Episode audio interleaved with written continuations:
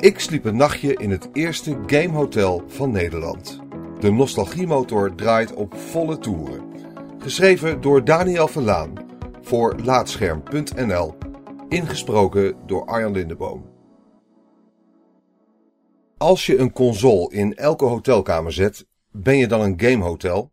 Met die vraag worstelde ik in aanloop naar mijn overnachting in The Arcade Hotel.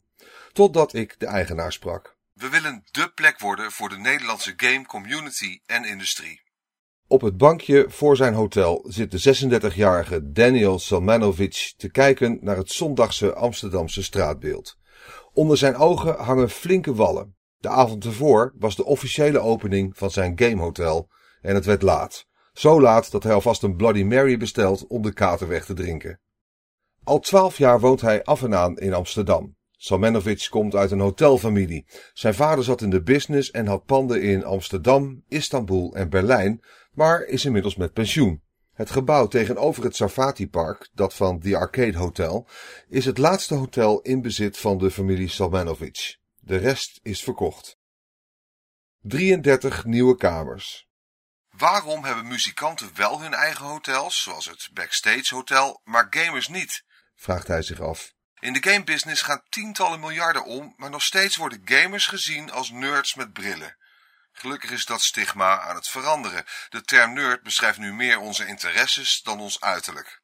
Anderhalf jaar geleden opende de Canadese Salmanovic The Arcade Hotel. Toen waren er nog maar negen kamers beschikbaar. Alleen een klein gedeelte van het 150 jaar oude pand was gerenoveerd. Inmiddels zijn daar 33 nieuwe kamers bijgekomen die vanaf deze week zijn te boeken. Het hotel heeft kamers voor 1, 160 euro per nacht, 2, 200 euro per nacht, 3, 300 euro per nacht en 4 personen, 350 euro per nacht. Een groot deel van de kamers zijn voor vier personen. Vrienden die een weekendje van Amsterdam willen genieten en op hun kamer willen gamen op een oude console. Elke kamer heeft er minimaal eentje die je helaas niet zelf kunt uitkiezen. Avondje Super Smash Bros.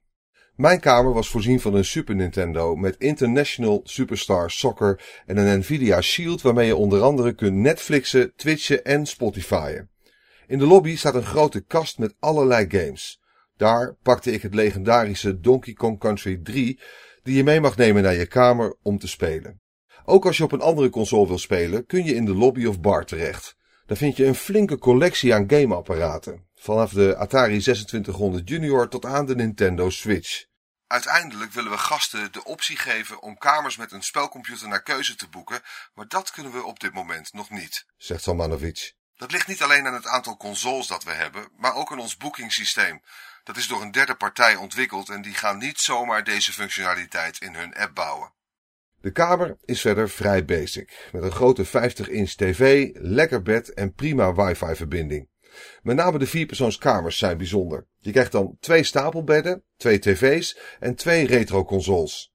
Je kunt met z'n vieren een avondje Super Smash Bros. op de Nintendo 64 spelen en daarna Halo Combat Evolved op de Xbox co-open. Gratis gin tonic of ontbijtje. Een groot deel van de gamecollectie is afkomstig van Somanovic. Alle Dreamcast games die hier staan heb ik meegenomen vanuit Canada, vertelt hij. Dat is echt mijn favoriete console. Ook veel comics die hier staan komen uit mijn eigen collectie. Sinds kort kun je oude games en consoles doneren aan die arcade hotel. In ruil voor een paar games krijg je een gratis gin tonic of ontbijtje. Dan zoeken wij er weer een mooi plekje voor in het hotel. Game Hub. De doelgroep van die arcade hotel was aanvankelijk, zoals je zou verwachten, gamende toeristen. Daar is Salmanovic inmiddels vanaf gestapt. Hij wil dé plek worden waar de Nederlandse game community en industrie samenkomt. Of je nu een designer, programmeur of beta-tester bent, voor iedereen is een plekje in zijn hotel. Ik wil hier game jams, game competities, game quizzen en ook Dungeons Dragons avonden gaan houden. Of we ze nu zelf organiseren of dat anderen dat bij ons doen. Om nauw contact te onderhouden met de Nederlandse game community heeft hij een heuse Game Division Manager aangesteld. Zij heeft niet alleen alle consoles en games voor het hotel geselecteerd, maar gaat de komende tijd ook met mensen uit de industrie kijken hoe ze elkaar kunnen helpen. Als je een indie developer bent en je hebt een hotel nodig in Amsterdam, neem contact met me op en zorg ervoor dat je hier gratis kunt verblijven, aldus Salmanovic. Indie developers hebben vaak maar een klein team en een nog kleiner budget en wij willen hen graag helpen. Of je nu een afspraak met een uitgever hebt of onze grote gamekamer wil gebruiken om je game te beta testen, geef ons een belletje en we regelen het. Het gaat ons echt niet alleen maar om geld. Games zijn niet kinderachtig. Die grote gamekamer is een van de belangrijkste nieuwe ruimtes in The Arcade Hotel. In de kamer staan zes game-PC's, een HTC Vive en de nieuwste consoles met twee grote 65-inch tv's. Door samenwerkingen met partijen als Nvidia, Sennheiser en MSI ontving Salmanovic het gros van de spullen gratis. Voor die bedrijven is het natuurlijk fraaie marketing als alle gasten die apparatuur zien en ermee kunnen spelen.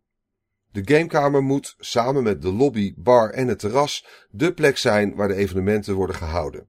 Maar je kunt ook op je eigen houtje binnenlopen om een drankje te doen en retro games te spelen. In de lobby staan banken waar je neer kunt ploffen en bijvoorbeeld een potje Penguin Land op de Sega Master System kunt spelen. Dit hotel is ook vooral bedoeld voor dertigers, veertigers en vijftigers. Mensen die zijn opgegroeid met de eerste Nintendo's, Sega's en Atari's. Ik wil hier geen 14-jarigen die lopen te schreeuwen tijdens het gamen.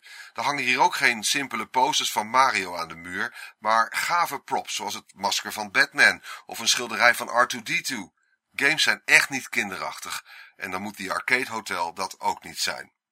Met de focus op retro gaming en een oudere doelgroep lift die Arcade Hotel ongetwijfeld mee op de stijgende populariteit van retro gaming en de wederopstanding van arcadehallen.